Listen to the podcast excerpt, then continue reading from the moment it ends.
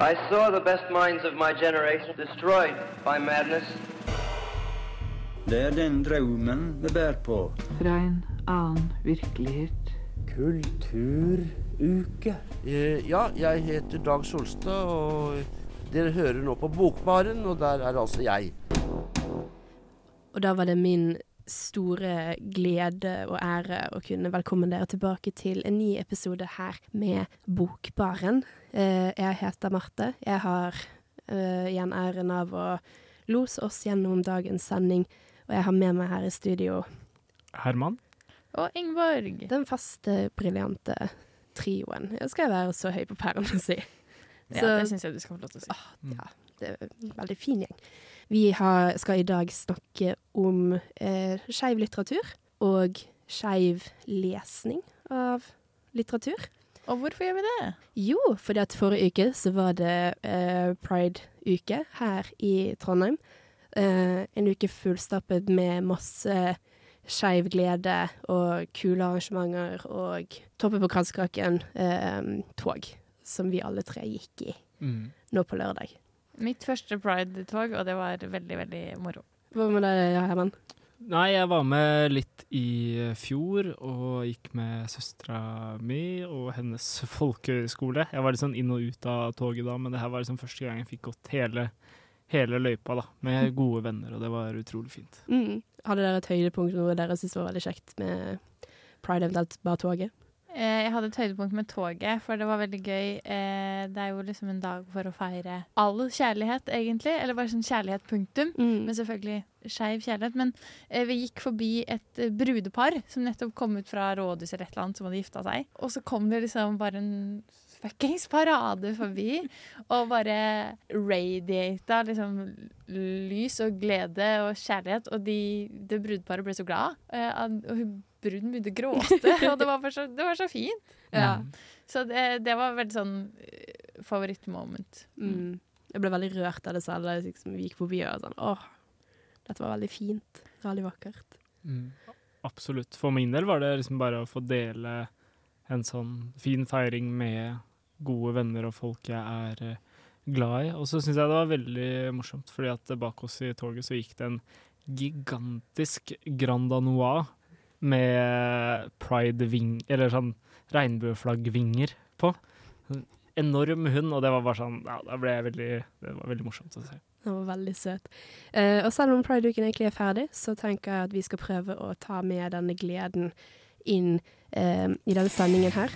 Uh, vi skal snakke om mye spennende. Vi skal innom hva skeiv litteratur er, eh, hvordan lese skeive tekster, eventuelt lese skeive tolkninger i tekstene. Hallo Trondheim, dette er Tore Renberg som er på besøk fra Stavanger, og i morgen så tenkte jeg nei, er det noe i hele verden som er finere enn å se et menneske som setter seg ned og åpner ei bok? Eller for å si det rett ut, det er utrolig sexy. Og noe som er veldig sexy, er eh, Bokbaren som snakker om skeiv litteratur. Ja, Ja. for er det noe som er bedre enn eh, representasjon og inkludering? Nei, du har noe um, Du er inne på noe der. Um, skal vi prøve oss å på en måte snakke litt om uh, hva vi tenker er skeiv litteratur? Er det noen som har lyst til å prøve å komme med en liten definisjon? Hva som, hva som skal være inkludert? Eh, ja, liksom spurte Marte tidligere i dag. Skeiv litteratur, er det en historie som tematiserer en skeiv eller flere skeive karakterer? Eh, som tar opp skeiv tematikk? Eller må forfatteren eh, også være skeiv? Ja, det var liksom et spørsmål jeg hadde. Og så følte jeg egentlig at vi ikke kom fram til noe svar på det. Og så var vi sånn hm, ja, kanskje vi skal diskutere dette på sending. Ja. Så jeg vet ikke, hva mener dere om, om det? Er, må forfatteren være skeiv for at det skal kalles skeiv litteratur? Jeg vil påstå at det nødvendigvis ikke trenger å være tilfellet. Jeg eh, vil Eller jeg ser litt på det som at uh, det er sånn at uh, det er skeiv representasjon i verket, eller at det tar for seg skeive temaer. Og en roman skrevet av en skeiv forfatter vil vel også kanskje gå inn i den samme kategorien, selv om det ikke er skeive karakterer i romanen, da. Så det blir på en måte veldig sånn komplekst og intrikat, da. Mm. Men allikevel så vil jeg påstå og si at uh, så lenge det på en måte er skeiv uh, representasjon i verket, så er det skeiv litteratur. Og så kan man jo snakke i etterkant om det er god representasjon eller dårlig representasjon, eller om det er god eller dårlig skeiv litteratur. Mm. Jeg tenker at jeg, for Hvis det er noen lyttere som syns at skeiv-begrepet er litt sånn stort og vagt og vanskelig, så um, Det vi tenker på der, er um, um, det som på en måte utfordrer de normene vi har rundt seksualitet og kjønnsidentitet. Som for eksempel da eh, LHBT-mennesker. Eller det som går vekk fra kjønnsbinære mann og kvinne. Um, men jeg syns det er litt interessant det du sier, Herman, med um, at en skeiv person kan skrive skeiv litteratur selv om det ikke nødvendigvis er det som blir tematisert. For da på en måte kommer på en måte paradokset sånn Skriver heterofile forfattere heterofil litteratur? Kan vi si det? Eh, både kanskje Kanskje ja, men så er det jo kanskje ikke så viktig med heterofile representasjon, eller det er kanskje noe man får ganske mye av eh, over, overalt. Da. Det er selvfølgelig, det er jo Jeg mener jo at representasjon av kjærlighet er viktig, da, men Mm. det er jo sånn når man først snakker om å løfte frem minoriteter, så er kanskje den merkelappen viktigere der, da. For å på en måte få et innblikk i at det er, er noe som tematiserer disse tingene. Jeg er ikke helt sikker. Jeg tror jeg er egentlig litt enig at um, på en måte all representasjon er bra representasjon. Jeg husker um, Nå går vi litt vekk fra litteraturen, men et band som jeg syns er kul, som heter Muna, som er um, består av tre skeive personer som i begynnelsen var litt sånn Er det ikke så kult å bli stemplet som et skeivt band? Men på et tidspunkt så var det sånn OK, jeg ser hvor viktig det er for uh, unge å se liksom skeive personer eh, være suksessfulle. Så kanskje det er noe litt der. Jeg tror det kommer litt an på hvem som kanskje har defineringsmakten òg. For hvis ja, massen, da, ikke minoriteten, for å si det sånn, står og definerer masse som 'dette er skeivt', 'dette er det', 'dette er det', så er det kanskje ikke like formålstjenlig som hvis en gruppe får definere det, det selv. Det kan fort bli litt sånn segregerende også. Kan det ikke bare være god litteratur eller god musikk? Mm. Og så kan de som faktisk føler et behov for representasjon, velge å kategorisere det som skeiv eh, litteratur, eksempel. Mm. Sånn at vi ikke skaper enda mer sånn skille med sånn Dette er vårt, dette er deres. Vi må på en måte ha noe, noe felles også. Det er jo hele Hvis du skal ta pride, da, i, i lys av pride, så er det jo det hele den feiringen handler om. Det er liksom åpenhet og inkludering. Jeg syns det er veldig fint sagt, for jeg tror, jeg tror det er viktig med på en måte Jeg tror det er viktig det du sier med eh, Skal vi skape et skille? Eh, og jeg er veldig enig i det du sier, og jeg tenker at det er jo absolutt noe som skal være på en måte sluttmålet, er jo at skeiv litteratur er ikke på en måte nødvendig fordi at eh, kjærligheten er på en måte likestilt. Mm. Men enn så lenge så er det kanskje greit å på en måte ha, ja, ha den representasjonen, jeg vet ikke. Representasjonen er jo veldig viktig. Jeg bare tenker at vi er veldig forte på å sette merkelapper på ting. Mm. Mm. Ja, jeg kan, eh, jeg kan Eller jeg har forståelse for det også. For at hvis du for eksempel da, hvis du har en forfatter som har eh, skrevet en uh, veldig god roman, en fantastisk flott uh, roman som bare er veldig allmenn og gjelder alle, og den forfatteren er skeiv og skrevet om skeive karakterer, så er det jo liksom kanskje de selv, da, og kanskje det ja, kanskje de selv ønsker at den skal bli mottatt som en allmenn og fantastisk roman som bare er god for sine kunstneriske kvaliteter, Mm. og ikke først og fremst en roman med en merkelapp. Det er jo på en måte viktig på den ene siden, da. Mm. Men jeg tror at det er viktig at det eksisterer, la oss si, en skeiv kanon, da, altså et utvalg av bøker som er av utrolig god eh, kvalitet når det gjelder skeiv representasjon, sånn at folk som enten er skeive eller trenger eh, større innsikter i det å være skeiv, kan henvende seg til denne kanoen for at vi skaper aksept, forståelse, og at eh, man kan utvikle sin identitet. Og det syns jeg er utrolig interessant, og jeg skulle veldig gjerne likt å snakke enda mye mer om det, og det skal vi få gjort. Ja, jeg er Toril Moi, og jeg er på Lillehammer for å snakke om bøker. Og jeg hilser til alle dere i Bokbaren og ønsker at dere leser videre med fryd og entusiasme. Og det håper jeg du gjør sammen med oss her i Bokbaren. Eh, og vi snakket nettopp, eller du Herman snakket nettopp om at det er viktig å ha eh, en god på en måte kanon innenfor skeiv litteratur. Eh, og så da tenker jeg kanskje vi kan prate litt om Eksisterer det Ja, har vi god skeiv litteratur? Ja, det vil jeg påstå at vi har absolutt. Og det er jo masse litteratur som eh, tematiserer uh, skeivhet og tar for seg det. Og så har vi nyere som på en måte er mer sånn aktivistisk og går veldig inn i liksom kampen for uh, representasjonen og på en måte mot uh, ja, urettferdighet da, i Mm. samfunnet. da. Så bare for å få skape en liten sånn historisk oversikt, da, så har vi startet med antikken, med Platons symposium, som utforsker homofil kjærlighet.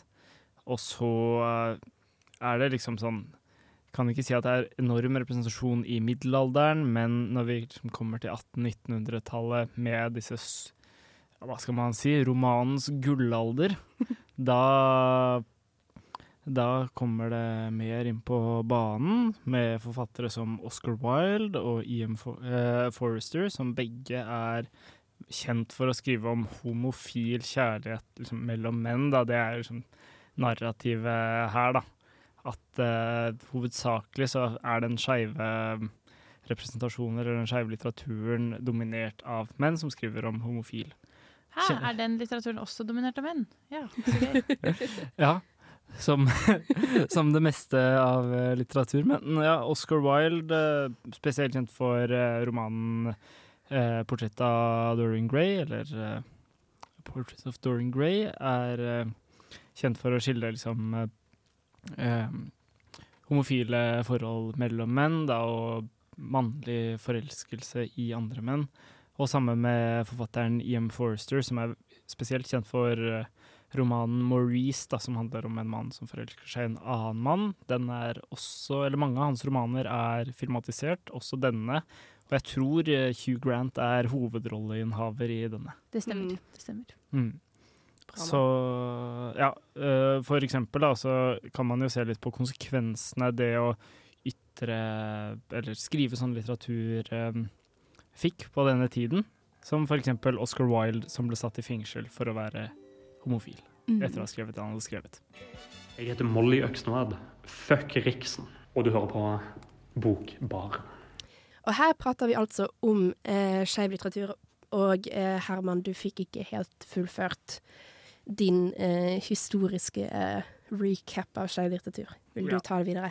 Ja, dette er jo en eh, ganske liksom eh, komprimert versjon, da, men eh, allikevel, da. Så vi kan snakke om eh, hvordan det fortsetter ut på 1900-tallet. Etter liksom denne bølgen med Ian Forcer og Oscar Wilde, så kan vi f.eks. trekke frem forfattere som Virginia Woolf, James Baldwin, Jean Genet og Gertrude Stein, da. Og dette, var, dette er hovedsakelig forfattere som selv var eh, homofile, eller, eller fin, hva skal man si, faller inn i den LHBT pluss-rammen, da, som, Mm. vi har, eh, som vi har i dag. Og det er ikke alle som skriver så mye om eh, eh, eh, skeive relasjoner, men en som gjør dette av disse, er James Baldwin. Eksempel i romanen 'Giovanni's Room', som er av eh, som jeg syns i hvert fall er av stor eh, litterær eh, kvalitet, og som jeg likte veldig godt å lese da jeg leste den. Og sånn i mer moderne tid, da. Så snakker vi liksom etter at eh, homofili har blitt lovlig, i hvert fall i store deler av verden, da, og der er det mer, større aksept for å være skeiv, da. Der er det liksom Kan man si at uh, det har en mye større plass da, i den moderne litteraturen, da. Og så kan vi si at skeiv representasjon absolutt eksisterer i litteraturen, da. Og har en plass, men trenger kanskje å trekkes fram. Mm. Har dere eh, lest noe eh, litt god eh, litteratur med fin skeiv representasjon, eller god skeiv litteratur? Mm. Jeg tror på en måte hvis, For det, det var god litteratur, ikke sant. Um, vi leste jo i fjor 'Orlando' av Regina Wolf, som um, handler da om uh, hovedpersonen Orlando, da, som um, går gjennom en litt sånn uh, surrealistisk uh, kjønnsendring. Uh, født som mann, blir kvinne og lever ut på en måte i mange hundre år som en kvinne. Men så er det på en måte, ja, god litteratur. Jeg har lest, vi har også lest Molly Øksnevold, um, 'Feminingange'. Og så har jeg òg vært innom uh, Case McQuistons sine bøker om um, skeiv romanse, som vi da pratet om blant annet i sommer. Hvorvidt det er på en måte god litteratur, kan vi jo på en måte alltid ta en diskusjon på. Uh, men jeg tror vi heller sier at det er god representasjon. Med deg, Ingeborg? Uh, ja, jeg hadde tatt med uh, noen bøker hit. For jeg, OK, nå skal jeg gå i bokhylla, og så skal jeg se hva jeg har av skeiv litteratur stående i faktisk i min bok, egen bokhylle. Og det var ikke veldig mye, men det var noen bøker. Eh, og det var selvfølgelig noen gode bøker, da. Det, det var en bok jeg leste i sommer, faktisk. Eh, og det var 'Autobiography of Red' av Ann Carson. Som absolutt er skeiv representasjon. Hun gjør det som liksom, kanskje har blitt mest kjent gjennom forfatteren Madeline Miller. Ja. Eh, for hun tar også en sånn antikk historie, eh, et annet litterært forelegg, og skriver en annen historie. Og I Song of Achilles er det jo Achilles og Patroclus, eh, og i eh, Autobiography of Red så er det Grayon og Dionysos Skal vi se Ja, nå husker jeg ikke helt. Det er en eh, annen gresk gud, i hvert fall. Det er da en, ja, en kjærlighetsrelasjon mellom disse to. Veldig, veldig veldig godt eh, skrevet. Og det får en sånn tyngde med en gang det bygger på en sånn historisk forelegg, da. Som, Mm. jeg, som jeg likte veldig godt. Og ellers så var det jo på litteraturfestivalen på Lillehammer i 2022 en fantastisk eh, lyriker og spoken word-artist, Joel Taylor, som hadde 'Cunto and Other Poems', eh, som jeg virkelig anbefaler å enten få tak i å lese, men egentlig google Joel Taylor og finne noen YouTube-klipp hvor hun leser fra boka. Eh, Hun er en eh, fantastisk eh, spoken word-artist, og hun snakker om måte, opplevelsen av å være butch, da. Og du og Magnus hadde jo òg et helt fantastisk intervju med henne. Ja, med på- det har vi også. Så Bokbarn Joel Taylor spesial, tror jeg episoden heter. Hva med deg, da, Herman? Nei, jeg har jo selvfølgelig noen favoritter. Som sagt kan jeg trekke frem eh, ja, Giovanni's Room av James Baldwin. Og som deg, Marte, så ble jeg veldig glad i Orlando da vi leste den. Eh, en annen bok i hvert fall som handler om eh, eh, homofil kjærlighet, er Uh, 'Call Me By Your Name', eller 'Og mitt navn er ditt', av uh, forfatteren André Asiman. Som er hovedsakelig kanskje mest kjent gjennom filmatiseringen, da, 'Call Me By Your Name', med Timothy Charlemay og Army Hammer som Mm. hovedrolleinnehavere. da. Men det syns jeg var en fantastisk eh, fin historie om eh, to menn som eh, eh, som blir forelsket i hverandre. Da. Så den er ja, handler om intens kjærlighet. Og hjalp veldig at jeg leste den mens jeg var i Italia og tok toget liksom langs uh, Komosjøen, da, for den er satt i Nord-Italia, den Mm. romanen. Så det er et par jeg liker godt.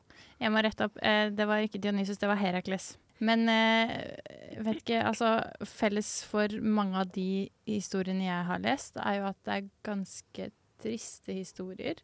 Og det tematiserer veldig den herre mørke skjebnen som mange skeive dessverre ja, Ja. lider av. av. tradisjonelt i hvert fall lider av, ja. Eh, så det er kanskje Hvis man skal liksom, si noe problematisk med den her mer sånn høye litteraturen som har skeiv representasjon, da, så er det jo kanskje ofte det at den blir Den har veldig lite sånn glede.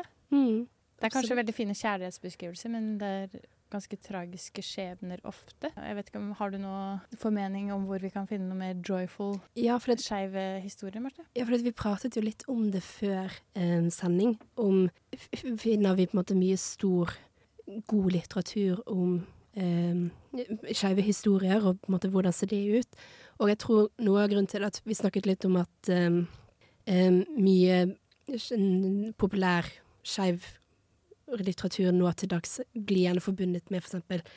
young adult-sjangeren, er gjerne litt fordi at det har blitt mer og mer vanlig å skrive glade skeive historier, fordi man ønsker å på en måte vise spesielt unge skeive at å, men det er en, det er en lykkelig slutt for deg òg. Det trenger ikke å ende tragisk. Og da er jo for eksempel uh, Casey McQuiston som skriver veldig fine, glade romaner om skeiv kjærlighet, som absolutt virkelig kan anbefales. Du, Magnus, jeg fant en skikkelig kul ny bok, jeg. Hysj! Du kan ikke snakke ved biblioteket, men du kan høre på Bokbaren hvis du har headset. Og her i ditt headset eh, prater vi altså om skeiv litteratur. Um, og jeg tror noe vi kan på en måte, se når vi ser på skeiv litteratur, er at det er først på en måte, hovedsakelig de siste hundre årene hvor på en måte eksplisitt skeiv altså litteratur skrevet om faktisk um, med beskrivelse av skeiv romanse eller skeive tematikker eksplisitt har blitt skrevet.